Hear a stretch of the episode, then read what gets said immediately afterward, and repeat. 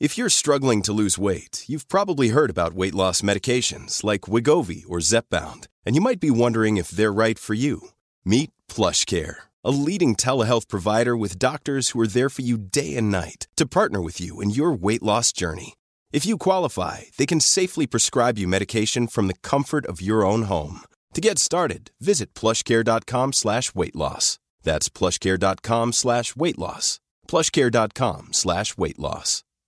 Quality sleep is essential. That's why the Sleep Number Smart Bed is designed for your ever evolving sleep needs. Need a bed that's firmer or softer on either side? Helps you sleep at a comfortable temperature? Sleep Number Smart Beds let you individualize your comfort so you sleep better together. JD Power ranks Sleep Number number 1 in customer satisfaction with mattresses purchased in-store. And now save 40% on the Sleep Number limited edition Smart Bed for a limited time. For JD Power 2023 award information, visit jdpower.com/awards. Only at Sleep Number stores or sleepnumber.com. Konferansen jeg er jo i gang nå. Bare raskt på den. Ja. ja. Det selges jo- har du hørt den som kommer, eller? Jeg har hørt det, så kommer det selges så bra billetter, og det er jo kjempegøy. Enda før de har hørt dem som kommer. Så de tar altså Ja. en råsjanse på at dette blir bra. Men det har jo eh, både du og jeg lovet at det kommer til å bli. Vil, ja. Men, men ta oss og dropp eh, de som kommer, for det, er jo, det, det er, blir jo ble offentlig i går. Eh, Så kan ikke du bare eh, gjenta? Jeg droppe alle, eller? Dropp alle. Altså øh, Enhver konferanse må ha noen bra folk på scenen uh, utover de som hoster. Det er, sånn er det bare. Og det er, det er de i salen som er hovedpersonene, og etter det så er det de som står på scenen, som ikke hoster. Lisa Tønne kommer. Lisa er Tønne, ikke sant? best kjent for liksom sladde rundt og være morsom. Jeg skal love deg, til alle de som kommer Lisa Tønne hun har en historie det er verdt å lytte til, og hun har så mye erfaring. Og hun er altså så god til å formidle det hun kan, på en sånn måte at du skjønner hva hun prater om. Lisa Tønne kommer, og hun er verdt billetten aleine. Ja, ja, jeg, jeg gleder meg veldig til Lisa Tønne. Hun er, hun er jo hysterisk morsom. Eh, så jeg håper det blir noen jokes. Men jeg tror jeg det... hun eh, klarer å la være. Nei, det er nok eh, Det er, det er bonus, men, men det kommer. Lisa Tønne kommer. Martin Sundby kommer. Martin Sundby kommer. Martin Sundby, eh, en fyr som beviselig har eh, vært veldig god med ski på beina, men nå jobber han med mennesker. Og denne dagen så skal han jobbe med de som sitter i salen. Og Martin Sundby er jo eh, kjent for eh, litt sånn machopreg. Og vi skal utfordre ham på akkurat det. Men han har altså noen sider som gjelder for absolutt alle som har lyst til å få til noe. Og så er så, han er jo så reflektert. Han har jo vært gjest i podkasten her et par ganger. og det, Jeg kjente han jo ikke noe før det, eh, i den grad jeg kjenner han nå. Men han, det som jeg ble imponert over og overraska over, er liksom hvor, hvor, hvor intelligent han er. Altså hvor, hvor, liksom, hvor smart han er. Han er en skikkelig klok fyr. Og så er han jo liksom eh, Han er jo på Mount Rushmore eh, av langrennsløpere i Norge, liksom. Altså det er jo eh, Jeg mener han øh, Ja, jeg er helt enig. Enig. Topp fire, med andre ord, betyr det. ever. Eh, og jeg tenker hvis man skal, Nå skal jeg ta Morn Rushmoren min. Det er eh, eh, Bjørn Dæhlie må jo nesten være der oppe. Sånn er det bare. Eh, Petter Northug må jo nesten være der oppe. Jeg er på herrer, da, hvis jeg er på herrer nå. Og så er det Martin Sundby, eh, tror jeg jeg må, må si. Og så hvem er den siste som skal ta med internasjonalt? Dario Colonna, liksom. Dario Colonna, kanskje. Hæ? Klæbo? Ja, Det er litt tidlig for han å snike seg på Mount Rushmore, men han kommer jo til å være nei, der. Du nei. mener det? Nei. Ja. Ja, ja, der har vi det. Det er bare nordmenn, da. Så det er kanskje men, ja. ja, men det er jo vår, øh, vår Mount Rushmore. Sverige får finne sin egen, hvis de har de fire skiløpere. Nei, det, det, det, det er en helt annen pod. Nei, så Martin Sundby kommer, og Martin Sundby er verdt uh, inngangsbilletten alene. Uh, så kommer det en fyr til, som jeg er usikker på om alle vet hvem er, men som etter den dagen er sjukt inspirert av, imponert over, og har lyst til å være som. Han heter Aymar Shakura, og han er altså Han så jeg på en scene her for ikke så altfor lenge siden. Jeg så han, jeg sendte en melding til deg og bare sa Han her. Han her skal vi ha med. Og Ayman han forteller en historie om å få til, eh, som kommer til å treffe deg. Eh, og han eh, har, er øh, etter ti år på flukt så er han da oppvokst på Toten. Begynte å øh, For å sitere hans egne ord, jeg begynte å banke dører. Og så begynte jeg å vaske vinduer. Og nå så eier jeg de byggene som jeg vaska vinduer eh, på. Og som da jeg har kjøpt av de folka som jeg bankte, banka på dørene til. Så eh, han kommer, og han er verdt inngangsbilletten aleine, han òg. Det må jeg bare si. Altså, han er en fantastisk fyr. Og han, han har en helt særegen formidlingsevne. Det var det som traff meg. Han, jeg, han trengte ikke å si noe. Tenkte jeg bare han her skal være med. Dette er helt konge. Spot on. Så han kommer også. Og så kommer det en til. Um, bak enhver god uh, mann så står det en kvinne, og det er helt riktig. Uh, og Sigurd Gramark har helt sikkert en fantastisk flott mor. Og så vet jeg at han har en fantastisk bra kone, for Sigurd Gramark kommer. Sigurd Gramark, det er da liksom min uh, mentor, vil jeg påstå å si. Det er vel kanskje min, mitt største forbilde, både innenfor på en måte mental trening mentale perspektiver, men også innenfor formidling. Altså Sigurd Gramark er mitt største forbilde som står på en scene. Eh, og han har vært to inngangsbilletter. Ja, Minst. er- kanskje tre. flink. Og de som ikke kjenner Sigurd, de kommer til å bli kjent med han, men han har tidligere ledet selskaper som Adidas. eh, Og, og kjenner næringslivet. Men det han kjenner også veldig godt, er folk. De siste årene har han jobba for seg sjæl, jobba med mennesker. Eh, Og det er, det er helt sikkert mange som vet hvem han er, og de som ikke vet hvem han er, kommer aldri til å glemme han. Så vi har Lisa Tønne, vi har Martin Sundby, vi har Ayman Shikura, og vi har Sigurd Granmark. Og alle de er verdt minst én billett hver seg, men de kommer for den ene billetten som du kjøper. Og i tillegg så skal du og jeg dit, og vi skal lage den konferansen så bra at det du lurer på når du går ut, er hvor er det jeg kan kjøpe billett til neste gang. Så bra blir det. Så bra blir det. Ja, nei, det er eh, Jeg gleder meg. Jeg gleder meg. Men eh, skal vi hoppe, hoppe inn eh, i dagens eh, tema, dagens episode? Vi har jo snakka litt om, og vi syns alltid det er gøy å ha noen sånne treningsspesial. Det er noe som folk også syns er moro og etterspør. Så vi tenkte at la oss, la oss fyre en liten treningsspesial. Um, vi skulle jo kanskje hatt med oss en, sånn, en eller annen sånn gjest som er god på et eller annet, men vi, vi klarte liksom ikke helt å tenke hva slags Vi, vi ville snakke litt selv. Ja, eller det vil si at em, vi har fått så mange spørsmål at jeg tror vi skal kjøre to. Ja, For Niklas Dyrhaug kunne ikke denne episoden, men han har sagt seg villig til å bli med i neste. Ja. Så jeg tror vi skal spare noen gode spørsmål til neste gang. Så kjører vi to treningsspesial, og de spørsmål vi tenker at det er lurt at Niklas svarer på, eller eventuelt hvis det kommer noen nye i kjølvannet av denne, så stiller vi de til Niklas, så han kommer neste gang. Og jeg har en liten føler ute på Stig André Bergå, ja. så hvis det er, eh, kanskje det blir en monsterepisode neste gang, faktisk. ja eller, eller at det blir en sånn eh, treningsspesial 1, 2, 3. Stig André Berge Det kan vi godt gjøre også. På mange måter. Nei, men kan ikke vi bare du, dure i gang, bare? Vi har, du, har jo kjørt opp på Grammen din, og da blir det jo trafikk da. Og jeg har noen spørsmål her med en gang. Jeg kan jo starte på motivasjon. Dette er jo sånn som gjenganger. Vi har hatt dette spørsmålet flere ganger, og vi har hatt disse episodene før. Eh, og det er Martin som sier jeg mister alltid motivasjonen for trening etter et par måneder. Hvordan i all verden skal jeg klare å holde på den? Ja, det er jo et øhm, det er, Jeg tror det er et klassisk spørsmål. Jeg tror det er, det er i hvert fall umulig for meg å svare på, men jeg kan fortelle hvordan jeg gjør det. Um, altså, ja, og jeg har snakket om motivasjon mange ganger. Jeg mener at det er veldig vanskelig å motivere andre, men at man kan bli inspirert av andre, og så må man motivere seg selv. Akkurat hva det er som motiverer, det må jo hver og enkelt finne ut. Jeg blir motivert av å gjøre de tingene som jeg må gjøre for å flytte meg fra der vi er, til dit vi har lyst til å komme. Og det målet er liksom veldig viktig. Hvis, hvis jeg ikke vet målet, så mister jeg motivasjon. For da bare I denne, dette tilfellet her så er det bare trening. Da bare trener jeg. Og det å trene i seg selv uten mål og mening, det blir jeg ikke så veldig inspirert av, og ei heller motivert av. Så det kan jo være at målet er feil, eller at det er diffust. Det er det ene. Det andre er jo at jeg eh, Hvis jeg gjør noe Hvis treninga i seg sjæl er noe som jeg syns enten blir rutineprega, eller sånn har kontroll over meg, så, så syns jeg det blir slitsomt. Altså, jeg prøver å sette mål som motiverer meg gjennom at jeg har kontroll på målet, ikke at målet har kontroll på meg. Så det vil si, for eksempel, det er mange som har som mål jeg skal trene hver dag.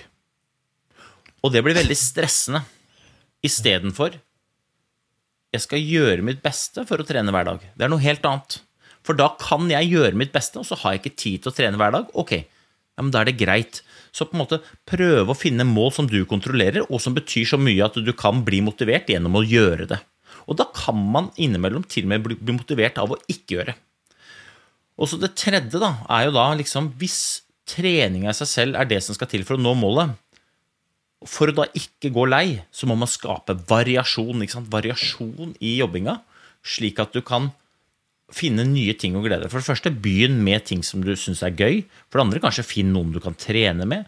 For det tredje, varier lengde, intensitet, kanskje til og med sted. Eh, invester kanskje enten i, i, litt ekstra tid før, eller du kan investere i en gadget som liksom etter tre måneder så skal jeg kjøpe meg en ny klokke. Eller eh, nye sko. eller Gjør et eller annet som gjør at det legger en liten ekstra eh, dimensjon på treninga, og kanskje rett og slett som en belønning. Og det er det siste tipset jeg har lyst til å ha. Da, liksom, for at motivasjon skal være faktisk motivasjon, så må man ta seg tid til å anerkjenne den innsatsen man gjør. For motivasjon er jo en følelse som du får, et, i hvert fall jeg, da. Den følelsen jeg får etter at jeg har gjort et stykke arbeid. Men hvis man tar det man gjør som for gitt, så glemmer man å kjenne på motivasjonsfølelsen. Ja. Og da kan det være at du bare føler at du til slutt står på, og ikke får den derre beruselsen. Men det å nå et mål er ikke noe motiverende i seg selv. Det er ganske umotiverende, for da har du plutselig ikke noe å strekke etter lenger. Men det å ta, feire de små skrittene på veien, da. og om så bare at du har gjort noe, feire det, gjør at du klarer å være motivert hver dag. Jeg vet ærlig talt ikke svaret på hvordan man skal vedlikeholde motivasjon. Men jeg vet svaret på hvordan jeg skaper det hver dag, og det er jeg ganske god til å gjøre. Folk spør meg om jeg våkner opp motivert, så svarer jeg nei. Jeg våkner opp trøtt. Ja. Men så blir jeg nesten alltid motivert gjennom dagen. Fordi jeg gjør. Ikke fordi at jeg elsker alt jeg gjør, men fordi jeg legger æra mi i å gjøre så godt jeg kan. Ja. Jeg vet ikke om du, hva Nei, du tenker. Gjøre så godt man kan. Det føler jeg sånn der, Det føler jeg blir en sånn fordi med, hvis, mål, hvis det er lista for målet ditt, så øh, kan jeg altså, Jeg tror alle vil si at jeg gjør så godt jeg kan. Jeg bare kan ikke bedre. Nei, nei, nei. Nei, for her, her, her bommer du. Jeg mener i fullt alvor at det er en høyere ambisjon å gjøre så godt jeg kan, enn det er å bli best i verden. Fordi at det å bli best i verden, det er et mål du kan nå, mens det å gjøre så godt du kan, det er noe som du aldri slutter. Men da må du faktisk legge, ta eierskap til det som skal til for å få det til. For det er så mange der ute som sier at jeg skal få til det, jeg skal gjøre sånn jeg skal, Og det er verdens enkleste ting å si. Men hvis du tar eierskap til at jeg skal gjøre så godt jeg kan Altså så godt jeg kan. Ikke late som jeg gjør så godt jeg kan, eller prøve litt. Jeg skal legge opp dagen så godt jeg kan, eller jeg skal gjøre de tingene jeg gjør, skikkelig på mitt aller beste. Så vil du aldri komme i mål. Men jeg skal love deg, hvis du gjør det, så kan konsekvensen være at du blir best i verden. Jo. Og det vet jeg jo av erfaring. Jo, det, Og det føles bra, men jeg tror det spørsmålsstilleren her, Martin spør om, er jo nettopp hvordan han kan skape den motivasjonen til å ville gjøre så godt man kan hver, hver dag. Og da tror jeg du var med inn på de andre tingene du sa. Ha, jeg tror altfor mange har et diffust mål. Uh, og jeg mener, at et, jeg, jeg mener et eksempel på et diffust mål er 'jeg skal gjøre så godt jeg kan'. Det var det jeg mente, for det, for det er på en måte ikke et Ja, men, ja, men det, og det er jeg helt enig i. ikke sant? Jeg har alltid et mål. Hvis ikke jeg har et mål, så setter jeg et? Da, da, kan, da kan første målet være gjør så godt du kan for å få satt et mål. Og det, Da kommer det til å ende opp med at du setter et mål. Og det målet det må ikke kontrollere deg, men du må kontrollere målet. Men da kommer du til å ha noe å strekke deg etter. Og hvis du da har som mål at du skal gjøre så godt du kan for å komme dit uh, Da er du i gang, da. Veldig mange opplever jo det å nå mål som bare sånn tomhetsfølelse. Altså, du Jeg tror alle, jeg tror alle opplever det sånn. Det å nå Ja, målet. Det er, liksom- på vei, det er på vei som er moro. eh, Og sånn så må man bare altså, også, Og så er det sånn på en måte er den, Dette er en helt en mye større diskusjon om at dette med å eh, Man har alltid Jeg er alltid på vei mot noe. Jeg jager alltid noe større eller mer. Eller man, og, så, og så feirer jeg alt Jeg er for dårlig, kan du si, til å feire, men jeg, men jeg finner liksom ingen glede i å feire Eh, skjønner du, jeg føler hele tiden at da lista mi da senk, Det betyr på litt at du senker lista, for når du har kommet til det stedet du satte deg som mål, så har du per definisjon fått en større kapasitet. Da. Det kan enten være direkte forstand, eller at du har fått en større, altså på et eller annet vis har du fått en større kapasitet. Da er du nødt til å sette deg høyere mål, da. for ellers så strekker ja, men det er jo akkurat, det ja, og, det er akkurat, og det er akkurat der jeg mener at det er mer ambisiøst å si jeg skal alltid gjøre mitt beste, enn det er å jeg skal bli best. For det å alltid gjøre sitt beste, da eier du målet. Men hvis jeg skal bli best, så er du så avhengig av hva alle andre gjør. Det, da er det bare å velge noe som folk er jævla dårlige i, da. Og så er du best. Eller flytte til et sted hvor det ikke fins noen, så er du best. Men det å alltid gjøre sitt beste mm, Ok, men det fordrer, det fordrer en haug av ting, det. Om hvordan du faktisk møter opp, hva du faktisk gjør, hvilke valg du tar, hvilke valg du ikke tar, hvilke handlinger du gjør, hvilke handlinger du ikke gjør. Det å gjøre sitt aller beste hver dag, det er, mener jeg er veldig mye mer ambisiøst enn å jeg skal bli best. Og til det der, for det er det som jeg er fascinerende og, og, og, og nysgjerrig på, for jeg har, kanskje ikke vært, jeg har ikke vært i nærheten av å ha samme posisjon selv, men sånn som, du har jo smakt litt på det, men sånn som Johannes Klæbo. Han er best i verden. Og, mm. og, målet hans var sannsynligvis på et eller annet tidspunkt har målet hans vært å, Først er det kanskje å vinne Norgescup eller vinne junior-VM, og, og, og, så når han det. det. Men det er alltid noe større å vinne. Men på et eller annet tidspunkt, da, når du har blitt olympisk mester, så, så det, er, det, er, ikke noe større. Altså, ikke, det eneste du kan bli, og du kan bli olympisk mester på nytt. Og dette sier jo sånn som Petter Northug har sagt at etter VM i, i Oslo, da han vunnet OL-gull og VM-gull, og han hadde vunnet alt. Det, det var ikke noe igjen å vinne. Og er det ikke da ekstra imponerende. Altså, det viser at det er vanskelig for, vanskelig for, oss å finne motivasjon til trening. Det burde jo ikke være vanskelig for meg eller, eller Martin, kjenner jeg ikke Martin, men jeg antar han ikke er olympisk mester. Det burde ikke være vanskelig for oss å finne motivasjon, for det er så, det er så, det er så mye vi kan strekke oss til. Det er, så, det er, så, lett for oss å finne enkle mål. Vi har lyst til å bli topp 1000 i aldersklassa vår i Birken. Altså, det fins alltid noen mål som man kan, man kan sette seg. Kan, og Klarer man det, så kan man bli topp 500. og så kan man holde på. Men når du er Johannes Klæbo, og du har vunnet OL-gull, VM-gull, om og om igjen da, hva, hvordan, hvordan motiverer han seg? til å gi det, sitt beste hver gang. Nei, det er akkurat det. Det er akkurat det han gjør. For han er best. Og han har alt å tape på å tenke at jeg skal bli best, for jeg er allerede best. Det er ingen, det er ingen seier, jeg kan bare vedlikeholde det jeg har. Det han har fokus på, er at jeg skal bli bedre. Og jeg skal gjøre mitt beste hver dag for å bli bedre. Og konsekvensen av det er med overhengende sannsynlighet at han kommer til å fortsette å være best. Jeg tror du ser det samme på Bjørndalen. Jeg tror du ser det samme på alle de som er i toppen over kjempelang tid. At de gjør så godt de kan for å bli bedre. Og konsekvensen av det er at de blir best. Men du kan jo vri på det, da. Hvis Martin syns dette her er vanskelig Jeg skjønner ikke hva dere prater om. Stopp opp nå, Martin. Hva er det som gjør deg umotivert etter tre måneder? Hva er det som gjør at du etter tre måneder med trening blir umotivert? Og svaret på det gir deg et veldig godt utgangspunkt for å finne det motsatte. For det, hvis, jeg vil anta at det motsatte av det du svarer som gjør deg umotivert, kan være det som gjør deg motivert. Så hvis du f.eks. har svaret at det, det er, jeg går lei fordi det er så ensidig og det er så hardt, ok. Bytt eh, bevegelsesform, bytt treningsform, gjør noe annet. Kanskje endre program. Ikke sant? Finn en eller annen slags sånn dynamikk, slik at det, hvis det er rutinen som du syns er kjedelig, bytt. For rutine Altså, rutine er så sjukt viktig det, for å få til noe. Men rutine betyr ikke nødvendigvis at det er kjedelig. Det betyr bare at du er veldig bevisst på at det du gjør, er det som skal til for å flytte deg nærmere målet. Og det målet må være så viktig for deg at du har lyst til å gjøre den jobben. Men så må du òg være klar over at det, det er så mange faktorer rundt et mål du ikke får styrt, men du alltid får styrt. Det er rutinene dine, hvordan du møter opp, hvordan du presterer. Og hvis du legger æra di i å ha gode rutiner, så kommer resultatet av seg sjæl. Som konsekvens av at du gjør greia di hver dag. Og så tror jeg at du vil bli veldig motivert av det. Mm. Nei, det øh, og jeg likte, jeg likte, veldig godt det der. Det, det, det, er, jo, det er, jo, en veldig bare, Det syns jeg var en god, god, godt innspill. der hva er det som gjør at man blir demotivert? Fordi svaret på det Jeg kan kjenne igjen for min egen del. Jeg har trent styrke tidligere. Så kommer jeg til sånne platåer hvor jeg, hvor jeg ikke blir sterkere. Hvor kroppen min altså, den har et eller annet limit da, hvor, hvor, her sliter den. Og da må jeg enten øke volum altså, jeg, jeg, vet jo, Litteraturen forteller meg hva jeg må gjøre, og sannsynligvis må jeg spise enda mer. altså Enda mer kronesis gapet, Tåle å bli litt feit. Alle de tingene der. Og, men da kommer jeg til punkt hvor, tilbake til målet igjen. Da, men da blir mål, hva er målet mitt å bli tjukk og sterk? Nei, det er jo ikke det. Også, og da switcher jeg til noe annet. Da. Hvis det er gøy, da vil jeg løpe litt eller sykle eller gjøre noe annet. Da. Eh, og så syns jeg det er moro, så driver jeg med det.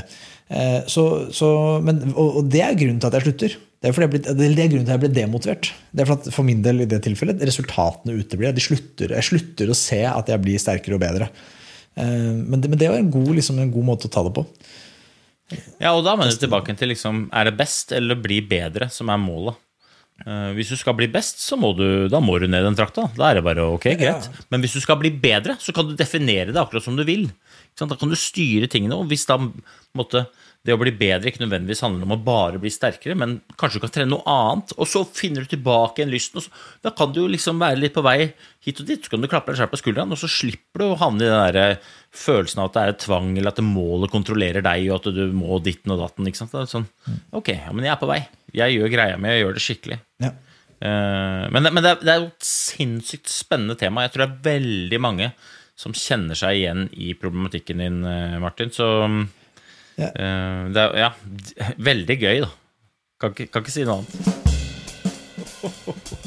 Ja, ja. Du, jeg har drukket så mye god kaffe i dag. Du sa det, du har bare ikke hatt tid. Det er jo det verste. Altså Det er gøy ja. med unger og gøy med unger som har mye aktiviteter og fotballtrening. og sånn Men Hvis ikke det er tid til å få en kaffe i gapet, ja da Men, men, men slapp helt av. Vet du hva jeg hadde på Veit du hva jeg hadde på fredag? Nei. På fredag Nå må du bare roe deg helt ned. Da hadde jeg det Coop Kaffe har en sånn mm, liksom rødbrun pose. Ok Og da, med den, så lagde jeg kokekaffe på fredag. Ko god gammeldags kokekaffe. Svartkjelekaffe. Vet du, vet du, det er det beste. Det, av alt sånn fjongeri og fjongerang. En svartkjelekaffe. Coop, den derre brune. Oh, den, vet du, den der skal jeg invitere deg på. Da kommer det der, de brillene dine kommer til å dogge pga. Eh, varmen fra koppen. og sånn. Men du kommer til å smile. Smilet kommer til å gå rundt. Du kommer til å få munnsår overalt. For alt kommer til å smile når du koser deg med den kaffen der. sånn.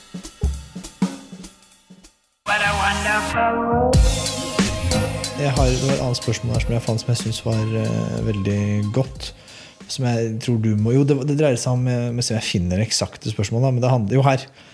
Christer, Bedre med alltid litt bevegelse, aktiv hvile, eller fullstendig hviledager. Det er, er litt, her er vi over litt i sånn eh, treningslitteratur, sikkert, da, men, men, dette er jeg nysgjerrig på også. fordi det er, det er mange som sier at det, der, at det er konseptet aktiv Fortell litt om det, du som du husker fra du var aktiv. Konseptet aktiv hvile. Ja, jeg tror før man svarer på det spørsmålet, så må man skille mellom toppidrett og mosjonsidrett. Eller alle som ikke har som mål å, å, å levere eh, verdensklasseprestasjoner. De som trener liksom toppidrettsgjengen mm. Veldig mange av de kjører helt hviledager.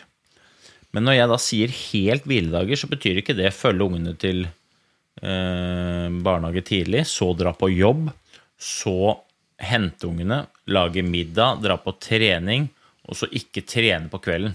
Da mener jeg Noen av de har jo barn, altså de følger til og fra, det er ikke det jeg sier, men da mener jeg rolig.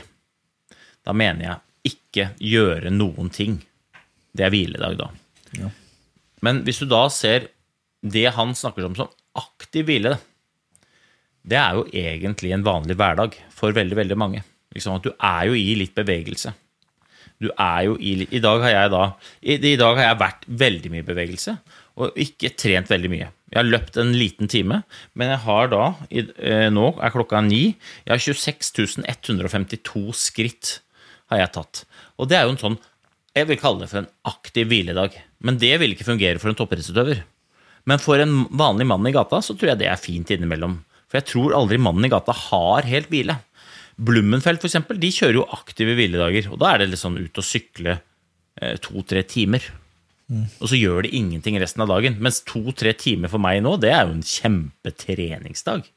Ikke sant? Så jeg tror, jeg tror at spørsmålet er veldig relevant hvis du er toppidrettsutøver. Og hvis du ikke er det, så skal du ikke ha dårlig samvittighet for at du ikke trener hver dag. Fordi at det skjer så mye i løpet av en hverdag at du har disse aktive dagene. Men de dagene du ikke trener, da, ja, men vær litt mer bevisst på at du går istedenfor til heis, eller du er litt ute med ungene og leker, så får du den aktiviteten. Det dreier seg litt om den hverdagsaktiviteten som måte bare logger, logger bevegelse. Men tror du ikke han Christer like mye lurer på hva er best? Hva er optimalt? Eh, og jeg tror du var inne på det her, her, Jeg i hvert fall har ingen, ingen peiling, da, men det lille jeg har eh, lest og prøver å praktisere i mitt eget liv, det er at når man lever et, et hektisk liv og er stressa og har liksom høy kortisolproduksjon i livet sitt for øvrig, så tåler man mindre trening. Altså det er litt, vi har snakka om det med, vi, om det med, vi hadde han eh, Ole Martin, nei, Ole, han, Ole Petter, Ole Martin Ile. Ja, på, på, Gjelle. Gjelle. Ja, her er jeg ute og ute, ut og surre med en gang. Men det, han, han, det er bare for å høre på podkasten Jernsterk. De snakker om disse tingene stadig vekk. Men Eh, det med at stress altså, Det er det samme om du blir stressa på jobben eller om du blir stressa for trening. Kroppen må klare klare ikke å skille kortisol er kortisol. Da. Det er helt riktig. Og det er nedbrytende. Mm. Det er katabolsk, veldig, veldig, katabolsk, eh, og det ønsker man jo ikke. Så, så, hvis man har et hektisk liv, så trenger man også mer hvile. og da er sånn at aktiv hvile kanskje for, det kan bli fort bli for mye. Da. Og hvis man da i tillegg ikke har eh, Blummenfelts treningsgrunnlag, så blir fort aktiv hvile blir en faktisk treningsøkt, og til slutt så bare trener man seg, eh, overtrener man. Da. Men, men når det er sagt, da Når jeg vet at jeg har perioder som er veldig krevende på jobb, mye reising, mye stå på scene så er jeg ekstra nøye på å få inn treninga. Og det kan bare være 30 minutter. Men da liksom planlegger jeg for det. Og det kan være eh, høntidlig om morgenen. altså. Men jeg bare gjør det fordi at jeg vet at da trenger jeg den energien som den treninga skaper, ekstra. Trener jeg hver dag? Absolutt ikke. Men jeg gjør så godt jeg kan for å legge opp dagen slik at jeg får trent hver dag. Men jeg beveger meg alltid hver dag. Jeg tror aldri jeg har en dag under 15 000 skritt. Det, det, det, eller 20 000. Det, det, tror jeg aldri skjer. Mm. Men det er ikke alltid at det er trening i de I hvert fall ikke sånn tenkt trening. Men, men da, når jeg vet jeg ikke har, så, så, passer jeg på å få rørt meg, går jeg litt. Og, og, sånn. og det òg er jo med på å senke stresset. da. For at det, liksom, det å gå, det å bare liksom puste med den berømte magen og gi seg selv litt slack for at man skal fylle opp denne kaffekjelen igjen. da. Så jeg har noe å gi. Ja. Det er sjukt viktig. Men, men, jeg tror ikke Sånn som Per Elofsson, for eksempel. Han trente jo fire dager på, to dager av. Fire på, to av. Fire på, to av. Ja. Eh, og det er jo det er veldig mange ul... Altså, vet... Da tror jeg han var helt av. Helt av. Da ja. gjør det ingenting. Altså, det er jo vanskelig sender jo, Vi sender jo noen ganger meldinger ut til utøvere, og de er altså da så nøye på å skille mellom en aksjon og en distraksjon at hvis noen ringer de, og de hviler, så drit og dra. Den tar jeg ikke, for det er en distraksjon. Min aksjon nå, det er å hvile. Og de er altså så av at uh, det er, uh, ja, det er imponerende. Ja, det er ja, men Nei, det er ikke frustrerende. Altså, de er bare dritgode på akkurat det. Ja. De råeste er altså så gode på å være av og på. Og de, de, som ikke er så gode, dette mener jeg jo er kanskje et samfunnsproblem òg, At man blir så sliten at man aldri er av. Man legger seg, og kverna går og kverna går. Dette er jo bare stress. Mm. Du legger deg ned, og så ligger du og tenker på alle ting som du skal gjøre i morgen. alle ting som Istedenfor bare hvile, så er du allerede framme. Og når du kommer dit hvor du er framme, så er du så sliten fordi du ikke hvilte når du kunne, eller burde, mm. at du er ikke på sånn 100% Du er på 100% av din kapasitet, men den er nede på 70 fordi du er kjempesliten. Og så lar vi det skure og gå der. Jeg tror dette er oppskriften på å bli utbrent, f.eks. Mm. Nei, det, det har du trodd helt etter, så eh, Vi hopper videre her, da. Det er, det er, to Ester og Kristin. Litt samme spørsmål. Er, hvor starter man? Hvis du har lyst til å komme i form, du har null, null form, hva pokker gjør man? Og så skriver Ester skriver til og med det blir fort for hardt. Ja, det er eh, Det tror jeg er eh, 100 eh, riktig at det fort blir for hardt. Hvorfor blir det for hardt? Jo, fordi at vi går ut i 100. Vi flyr ut, krabber inn. Ikke sant? Det er intervaller, det er eh, crossfit, det er tjo, og det er hei. Og hvis du er skikkelig dårlig i form, og det er det noen som er, Så start med å tenke at ok, dette kommer én til å ta litt tid. Og to, jeg må ikke kjøre over meg sjæl på veien, så begynn med å gå. Trenger ikke å begynne å trene engang. Bare det å gå vil være trening. Og så gjør du korte turer, slik at du orker å gå gjentatte ganger. Og så etter hvert så kan du legge på. Eh, Eller hvis du ikke liker å gå, finn noe annet, noe du liker. Liksom, det er jo, be- begynn med noe du liker. Men begynn så lite at du har lyst til å fortsette når du er ferdig. Istedenfor det motsatte. Å gjøre et eller annet som du ikke liker, og du gjør det så hardt at du tenker 'fy faderen, dette orker jeg kanskje i morgen', men så er det ferdig. Så så begynn helt nedpå, da. Ja, altså, For ambisjonen din, hvis du er skikkelig dårlig, så er ikke ambisjonen din å vinne noe i neste uke. Nei. Da er ambisjonen din å bli bedre og bedre og bedre. Og potensialet for å bli bedre, det er jo større jo mer ræva du er. Så det i seg selv bør jo være en motiverende faktor. Men hvis du tenker ah, jeg er skikkelig dårlig, men jeg prøver dette her i morgen, og så håper jeg at jeg ikke er ræva. Så går jeg på mølla, og så kjører jeg fire ganger fire, og så kommer du til å finne ut at fire ganger fire er knallhardt, og du er altså så dårlig, og du får bekrefta at du var dårlig, og så tenker du jeg gidder ikke å fortsette. Og så mister du et viktig punkt. For når du begynner å gjøre noe nytt, så kommer du med overhengende sannsynlighet til å være ræva. Men du kommer til å bli bedre. ja, altså, Bare gjør sånn at du kan faktisk bli kan bedre. Du kommer til å bli bedre. Kan vi ta et oppgjør med dere fire ganger fire-greiene først som sist? For det er altså det dårlige. Så det, jeg vet ikke hvor det starta, men jeg husker det er sikkert eh, fem, seks, syv år siden nå. Så var det en svær VG-artikkel som var 'Forskere har talt'. Var det talt? Det beste man kan gjøre for å komme i god form, det gjelder alle, det er fire ganger fire intervaller. Og det skapte jo en sånn trend hvor alle skulle ut og løpe fire ganger fire intervaller, uansett om du var Bodil på 60, eller om du var Hans Olav på 20, da, eller hvor gammel jeg var der. Skulle man løpe fire ganger fire intervaller.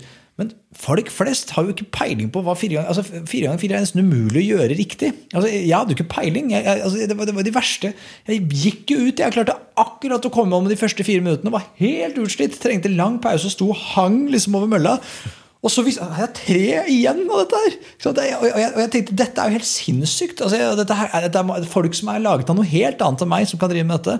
Og så har jeg skjønt etter hvert som jeg har blitt, vi har snakka med folk i poden her, og folk som har mye mer kunnskap enn jeg hadde på den tiden, at jeg gjorde jo helt feil. Jeg gikk jo altfor hardt ut. Jeg, jeg klarer ikke å disponere altså det å disponere fire minutter. Og komme, altså at jeg skal etter de fire minuttene er ferdig, så skal jeg være på rett intensitet. Det er jo helt umulig, selv om du har de dyreste pulsklokkene. og alt, Da må du kjenne kroppen din godt. da. Så det mener jeg, det, det, må, det, må, det er et dårlig tips. Det må du slutte å si til folk som ikke har peiling. Du mener? Ja, eller altså, man må, Fire ganger fire er kjempebra trening. Ja, sikkert. Det er kjempebra trening, men fire ganger fire er kjempebra trening for de som er i stand til å gjennomføre det riktig. Og det er veldig mange som verken har formen til det eller kunnskapen til det, eller, og også et viktig punkt, har hverdagen som gir rom til at du faktisk etterpå kan hvile litt, så du faktisk får utbytte av det. Hvis fire ganger fire kommer på toppen av en hektisk hverdag, du kommer til å ende opp sliten etter ei uke og aldri gidde å gjøre noe igjen.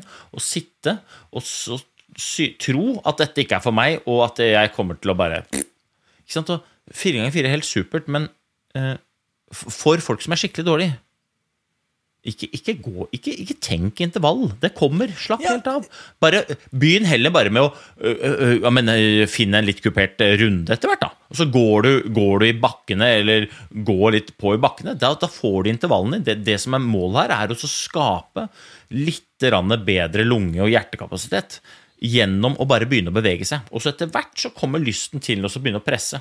Men i starten så føler du at du presser bare du går ut og går en skikkelig motbakke. Ja, for, for Du sier at ikke, ikke intervall. Og der mener jeg at når man er skikkelig dårlig trent, så er det så, Eller kan du Mitt inntrykk, det litteraturen har fortalt meg, det er at den beste måten, mest effektive måten å komme i god form raskt eh, Hvis man snakker sånn som jeg antar de er ute etter, den, den fysiske liksom, motoren, lungekapasitet, hjerte osv., så, videre, så er jo det intervall. Eh, Og jeg husker Vi spilte en episode med Gjert Ingebrigtsen, en, en nydelig mann. Det er jo et år siden, ganske nøyaktig, tror jeg. Eh, Det må man gå og høre på. Bare søk opp, så finner man i, der, snakker vi om disse tingene her. Og han mener jo det at nøkkelen til hele Ingebrigtsens suksess, altså hans nøkkel liksom, til, til, til være til god trening, det er intervalltrening. Å bruke intervalltrening flittig. Men så sier han der, men intervalltrening skal ikke være blodsmak i munnen. Det er, bare, det er der liksom det har skjedd noe. Og intervalltrening kan være hvis du har dårlig form, så kan det være å gå litt raskt. Gå litt sakte. Gå litt raskt. Gå litt sakte. Og etter hvert kan du begynne å småjogge litt, men gå sakte. Men du skal, ikke, du skal ikke dit hvor du har blodsmak i munnen. For det er jo det som gjør at du aldri gidder å trene igjen. Eller, eller for hans gutter så er det at da, da, kan de ikke trene igjen, for at de trenger restitusjonen. Og det er, de får, det er volumet som teller. Så du, du, du må aldri liksom pushe de grensene for mye, for da får du ikke nok volum, og da blir du ikke olympisk mester. Så Ja, det er, altså, det er så klokkereint. Altså, og, og han, jo, han sa vel også i den episoden at det handler jo ikke om å løpe hardt. Det handler om å løpe fort. Og fort, det er relativt og subjektivt. Så du skal løpe så fort du kan, du, uten at du syns at det er så innmari hardt. Ikke at du skal løpe innmari hardt, for det er ingen som liker å løpe innmari hardt. Og for å bli bedre, men tilbake til rutiner. Da må man gjøre noe ganske mange ganger. Og hvis du skal løpe hardt ganske mange ganger Ingen som orker det. Men også løpe litt fort uten at det er hardt, ja, men det kan jeg, det hørtes ut som noe det kan jeg bli med på. Ikke, ikke, ikke tro liksom at jeg er en sånn derre fyr som bare liksom syr puter under armene på deg. For at det kommer til å være krevende det å bli bedre i noe, uansett hva det er for noe. Men det, ikke gjør det verre enn det er. For jeg tror at du kommer til å ende opp dritsliten. Ikke begynn å sammenligne deg selv med eh, familien Ingebrigtsen når du skal ut og jogge. Sammenlign deg selv med deg selv. Og, og, bruk gjerne uke til uke. Jeg skal love deg at du får kjempeframdrift så lenge du bare holder det gående. Bare, altså, det beste tipset er å holde det gående. Akkurat hva det er du gjør for å holde det gående, er ikke så farlig. Men hvis du holder det gående uten å bli utslitt, så kommer du til å bli bedre. Ja. Jeg vil slå et slag for en annen Det er litt på siden, da, men eh, det, det fins Hva heter han? heter jeg husker ikke, eh, Joel Green Jeg husker ikke hva han heter. Det er, det er, en amerikaner som snakker om dette om å, om å sprinte. Altså, altså, altså, da mener jeg full altså spurte. Og, og, Hypotesen hans er at vi mennesker altså Barn er så eh, Barn spurter jo hele tiden, er gode på retningsskifte. og sånn, Du får så mye sterk sånn, muskulær trening. Det, det, det, er utrolig bra. Det er mye bra som skjer i kroppen når du sprinter. Men moderne voksne folk altså Når var sist gang du løp i full firsprang? Altså løper som om du har ulver i hælene? Du har ikke gjort det. Altså, nå var jo du toppidrettsutøver, så du gjorde sikkert det i forbindelse med at du var på sprintlandslaget. da. Men vanlige folk Jeg jeg har jo ikke sprinta siden jeg var åtte år eller ti år. jeg vet ikke, På fotballbanen kanskje. Jeg hadde som en, en spurt liksom sist gang. Og det tror jeg gjelder veldig mange andre òg. Så det er jo, og, og, så, og så, Et par år siden så begynte jeg å spurte litt, altså sprinte. Og det som skjedde etter, altså Dagen etter første gangen jeg hadde, ja, løp jeg ti, bare ti, liksom ti 100 meter eller 150 meter det strekket, i litt så slak oppoverbakke. Og sprang i full firsprang. Jeg ble jo ganske andpusten, men ikke så veldig. Og jeg hadde, jeg hadde, jeg hadde så vondt i beina eh, dagen etterpå. Det var bare det var, det var, det var, og det, kjente, det var veldig bra for meg. Det var sånn, akkurat kroppen, liksom, det her har jeg ikke gjort. Og, kroppen, og, og jeg merka også når jeg skulle spurte, at det var nesten litt sånn ra, uvant for meg. Bevegelsen og sprinte. Og det er jo helt sinnssykt. Altså, Menneskekroppen er jo unektelig bygget for det. Da. Det er bare at vi har så behagelig liv at vi driver ikke med sprinting lenger. Så det vil jeg slå slag for. At man må spurte litt.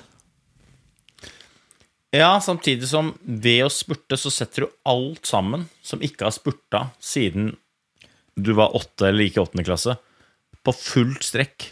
Og det er jo oppskriften på å bli skada. Så man må det, det, skjedde meg, det skjedde meg. Men det er fordi du ikke løpe ti, eller du starter med én.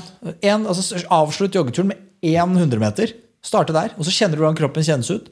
Og så kan du løpe altså, det, det, er selvfølgelig, man må, man må ta det kan jeg, kan, jeg, kan jeg, ta en som er litt snillere? Som kalles for stigningsløp. Det er fint. Ta stigningsløp. For da trener du både steg, og så har du kontroll. Og det som skal stige da, det er ikke sannsynligheten for skader, det er farta. Så start rolig, 100 meter, og så skal du ha høyest fart når du krysser målstreken, og lavest fart når du starter. Så har du stigning i farta. Og da har du kontroll på det, og så kan du bygge på. Og så slipper du å bli veldig støl, så slipper du å bli helt utpumpa. Og så slipper du å føle at fy flate, så dårlig er til å spurte 100 meter. For at det, de fleste løper 100 meter saktere enn de tror de løper 100 meter. Jo, men Det er fordi vi aldri gjør det. Altså, jeg, ja, men vi må begynne et sted. Vi kan ikke begynne med spurt 100 meter. Det er sånn dårlig tips.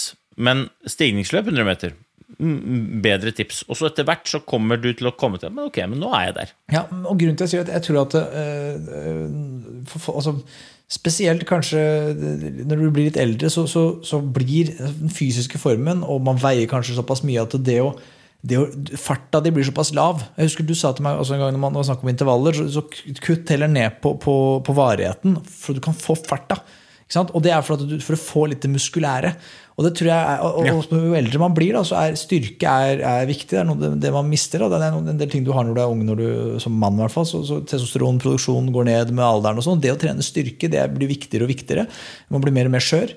Og, det, og, Hvis man da liker å løpe, og ikke liker å inn på et gym og løfte vekter, eh, for sånn bone density og sånne ting, så, så, tror jeg det er å sprinte og spurte litt eh, i, i, hver uke. Det tror jeg er utrolig sunt.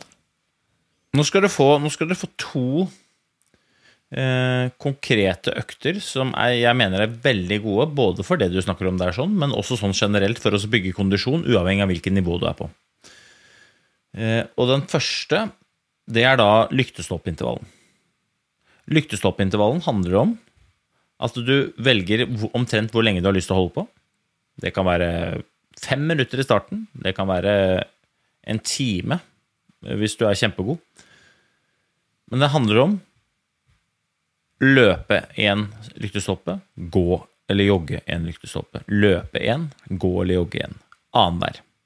Så etter hvert kanskje du kan holde på to, og så én pause. Og så holder du på, Hvis du da er i en lysløype, så, så, vet du hele tiden hvor lenge du skal løpe intervallen, og hvor, hvor, hvor lang pausen din er. Og da får du liksom opp og ned, opp og ned. Og hvis du da skal holde på en liten stund, så, så sier det seg selv du kan ikke spurte én det går ikke. Hvis du spurter igjen, så er du kjempesliten etter tre.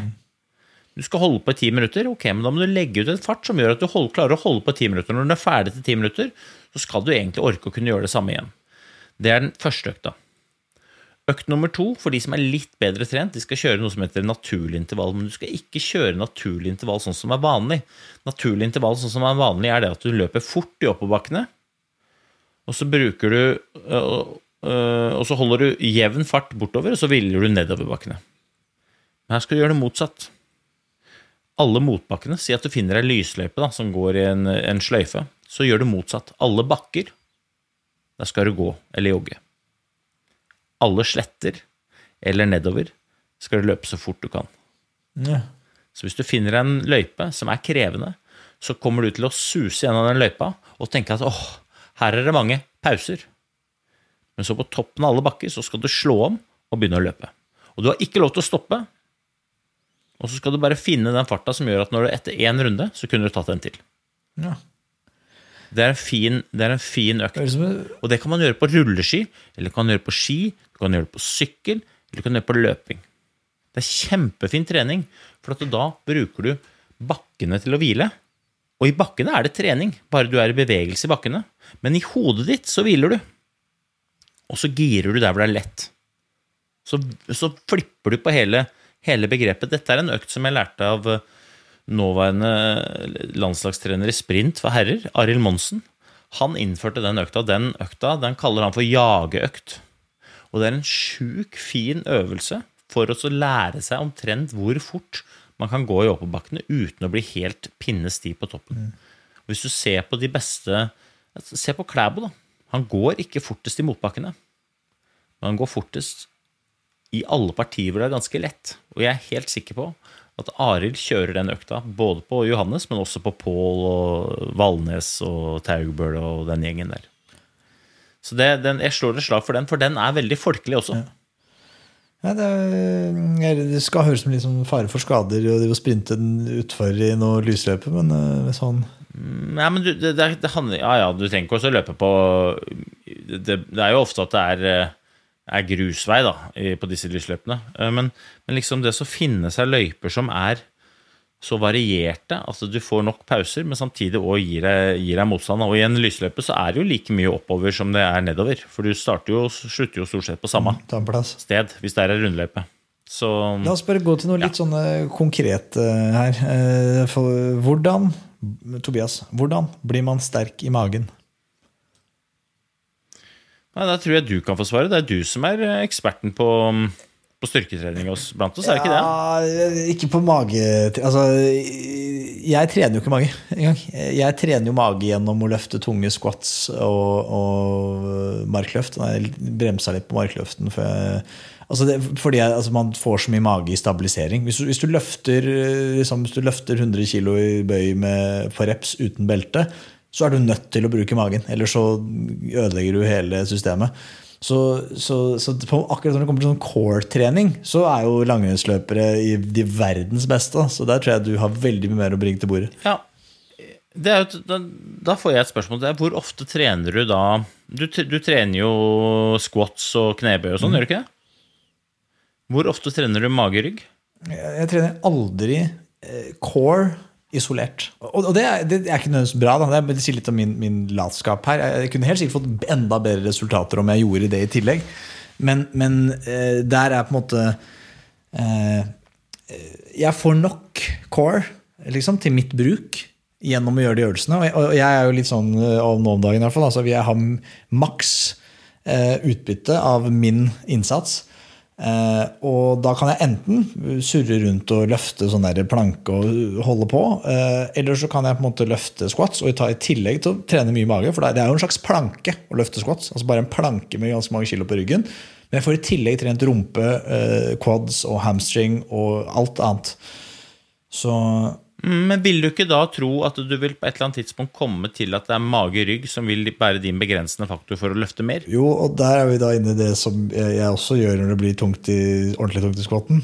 Da setter jeg et sånt belte rundt magen, og så klemmer jeg til det. Og så får jeg mye hjelp da, i det.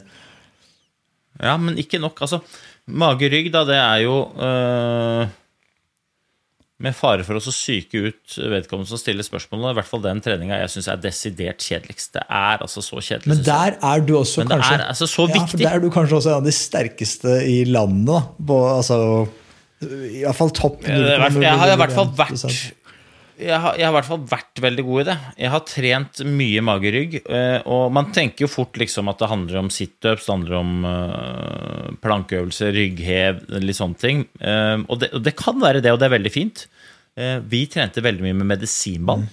Og da er det en lass av øvelser. Det er bare å google inne på Olympiatoppen f.eks. Har helt sikkert en haug av gode øvelser med medisinball. Som gjør at det kan være litt artigere. Og ofte parøvelser som gjør at du kan trene sammen med noen. Situps gjør aleine. Dritkjedelig. Eh, det er det ene. Det andre jeg trente veldig mye med, var strikk. Okay. Strikktrening gjorde at det ble veldig dynamisk, veldig utfordrende. Og jo sterkere jeg blei, desto mer kunne jeg utfordre på øvelsene, som gjorde at det ble enda mer krevende, og som gjorde at jeg ble enda sterkere. Så strikktrening vil jeg slå slag for. Nei, altså, det, på på, på, på, alle idrettssentre, treningssentre, så altså, garanterer jeg at det fins et sett med strikker. Ja. Og det er litt sånne tjukke strikker som du kan slå rundt f.eks. der hvor du tar hangups ja. eller i disse crossfit-rackene og sånn. Og hvor du kan bruke bru, Hvis du tar for eksempel, du står som en, du har pushups, ja. da. Du skal ta en pushups, men så har du beina dine i en strikk. Og så gynger du da, du da holder du planken i hele kroppen, men du gynger beina opp og ned under dette racket med beina i strikk. Jeg skal love deg at det brenner. Eller du kan kjøre, eh, du kan kjøre en haug av øvelser som utfordrer hele kroppen, og som gjør at du får trent mage, rygg og stabilitet i skuldre, stabilitet i hofte, stabilitet i bakside lår på en helt annen måte. Som gjør at du blir veldig mye fortere sterkere i stabilitet mage, rygg enn du gjør hvis du tar situps isolert sett. Så, eh, og jeg Gå inn og eh, google strikkøvelser. Jeg er helt sikker på at du, du finner det da også. Og så det siste, eh, som jeg da tror jeg faktisk har runda, og det er da red cord eller slynger. Altså slynger, det er altså så Tar deg en tur, tar deg fem minutter innom de der røde bånda som henger rundt i styrkesentrene, og ta, prøv å sette deg bare på knærne, hold hendene i de slyngene, og ta armene så langt ut du kan som en Supermann, og tilbake igjen jeg gir det. Hvis du prøver fem ganger uten å knekke sammen, og kjøre tre serier, så skal jeg garantere deg at du ikke orker å reise deg opp dagen etter, for du er så, så støl og revet i stykker i mage, mageregionen. Kun fordi at du får tak på alle fibre som ligger der inne. Så redcord, eh, strikk og medisinball det er oppskriften på å bli helt King Kong i magerygg. Og det som er viktig med magerygg, det er at det er jo Det er jo senteret for all kraftoverføring. Ikke sant? Det er jo senteret for all kraft. Om det er løping, om det er ski, om det er det ene eller andre Hvis ikke du er sterk nok i er magerygg, så blir det så mye bevegelse i kroppen fordi du klarer ikke å stå over. Og da er det så ueffektivt. 100% Alle utøvere, alle utøvere, uansett hva slags idrett de driver med, de er sjukt sterke i magerygg.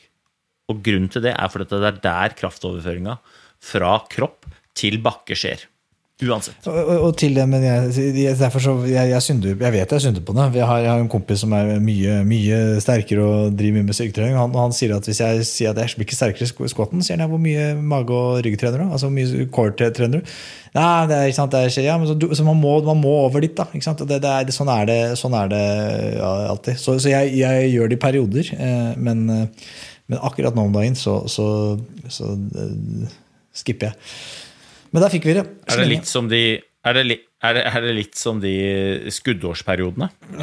Ja, Én dag hvert fjerde år? Ja, men, nei, men så lenge jeg, det er faktisk så jeg, er så jeg er så kynisk på det at eh, så lenge jeg har framdrift uten, så, så på en måte da, ok, men da, da og, og så lenge jeg ikke føler at jeg ikke er stabil. Ikke? For sånn, hvis, jeg, hvis jeg føler at det er en limiting faktor, så selvfølgelig da, er det jo, da, er det jo dumt å ikke gjøre det. Men så lenge jeg ikke opplever det, så tenker jeg at da, får jeg nok. Og, og det er mange som mener at man får ganske bra gjennom, gjennom, gjennom å løfte squats og, og deadlift. Fordi du, du er nødt til å bruke, koble på magen, ellers så går det ikke.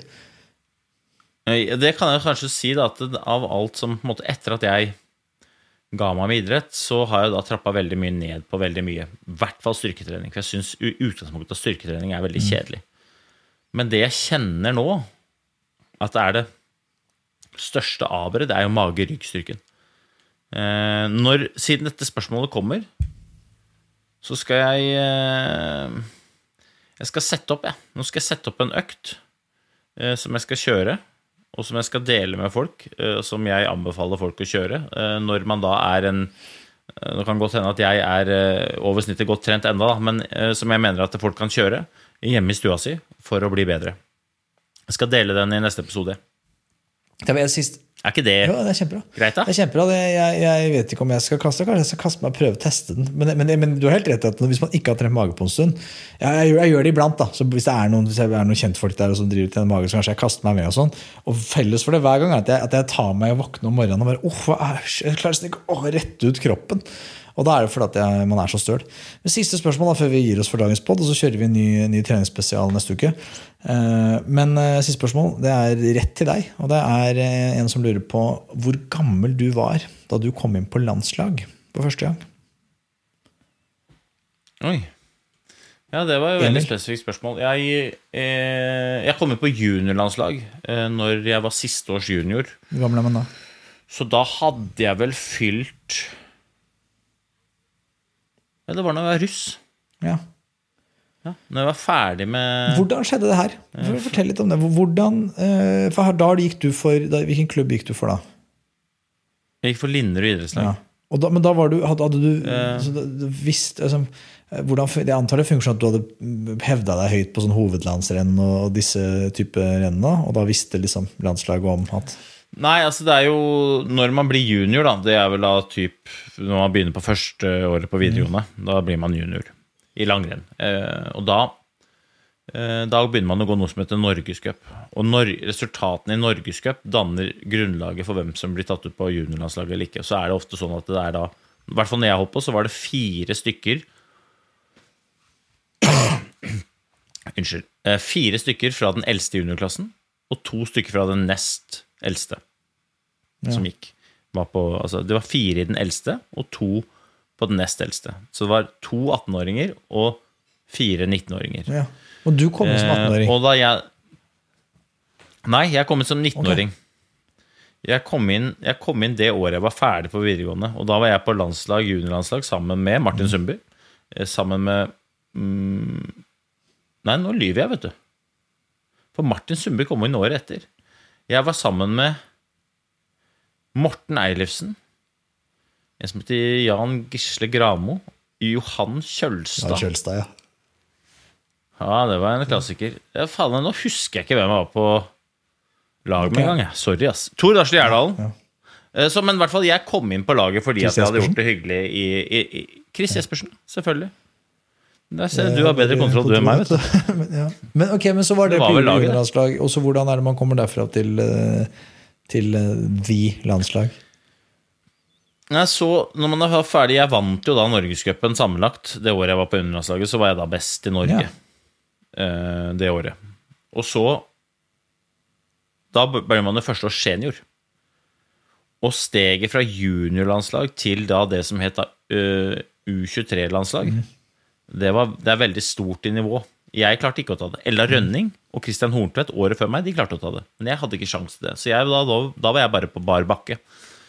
Eh, Så da eh, trente jeg aleine, og så ble jeg en del av eh, så Jeg flytta til Meråker, så begynte jeg å trene med en del av Sør-Trøndelag skikrets. Og så veien inn til landslaget, det går gjennom å bare bli bedre. Bli Prestere i. Jeg Norgescup og først. liksom. Ja. ja, ja, ja. Da er det liksom Når det er ferdig med junior, så er det liksom første renn etter junior, det er beiteåpninga. Mm. Og jeg husker jeg ble rundt sånn 70-80. Og da hadde jeg gått fra å være best i landet I den aldersklassen. til, ja, til å bli nummer 70-80. Og jeg tror fortsatt jeg var best i, i min aldersklasse da, i det rennet. Men det ser veldig brutalt ut.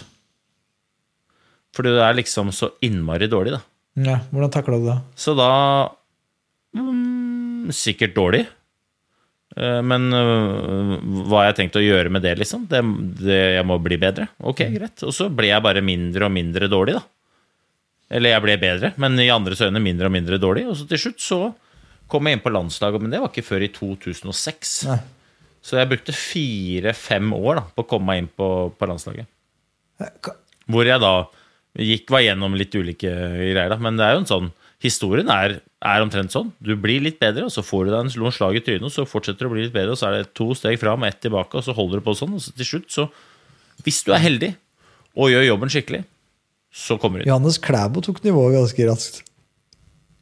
Ja, så du har Petter noen unntak. ikke sant? Du har, du har Petter Northug, Johannes Klæbo, jeg vil jo si Eldar Rønning, eh, vi kan si Tor Arne Hetland, Therese Johaug, Heidi Weng, Ingvild Flugstad Østberg. Det er noen råtasser der ute. Men de aller, aller fleste, de bruker noen år på det. Og så er det veldig mange som gir seg, fordi at det er knallhardt å komme seg inn. Og det er altså så mange gode. Men alle går den veien. Minus de største talentene, så går alle den veien. Martin Sundby gikk samme veien. Og han vant en haug av skirenn. Det, altså, det, det handler bare om å orke å gjøre det som skal til for å bli bedre, istedenfor at de, målet eier deg, så eier du målet. Jeg skal bare bli bedre. Og det er derfor jeg sier i fullt alvor at jeg mener at det er sjukt ambisiøst å si mitt mål er å gjøre mitt aller beste for å bli bedre hver eneste dag. Det mener jeg er mye mer ambisiøst enn å si jeg skal bli best. Men jeg mener at hvis du sier det første, så kan konsekvensen være at du blir best, men at du fortsetter å være best også. Og så er det noen som blir best ved å ha den inngangen, men det er ingen av de som blir best uten å gjøre sitt beste hver eneste dag. Det skal jeg love. Vi avslutter med ordene, gjør vi ikke det? Så snakkes vi neste uke. vi. Jeg gleder meg, jeg. Hoi,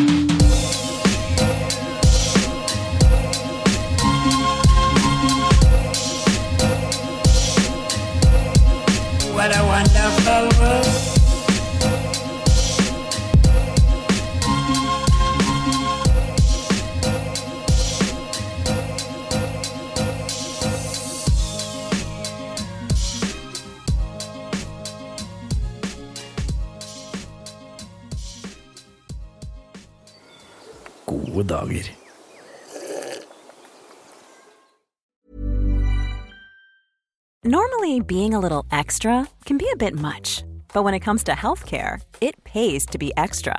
And United Healthcare makes it easy with Health Protector Guard fixed indemnity insurance plans. Underwritten by Golden Rule Insurance Company, they supplement your primary plan, helping you manage out of pocket costs without the usual requirements and restrictions like deductibles and enrollment periods. So when it comes to covering your medical bills, you can feel good about being a little extra. Visit uh1.com to find the Health Protector Guard plan for you.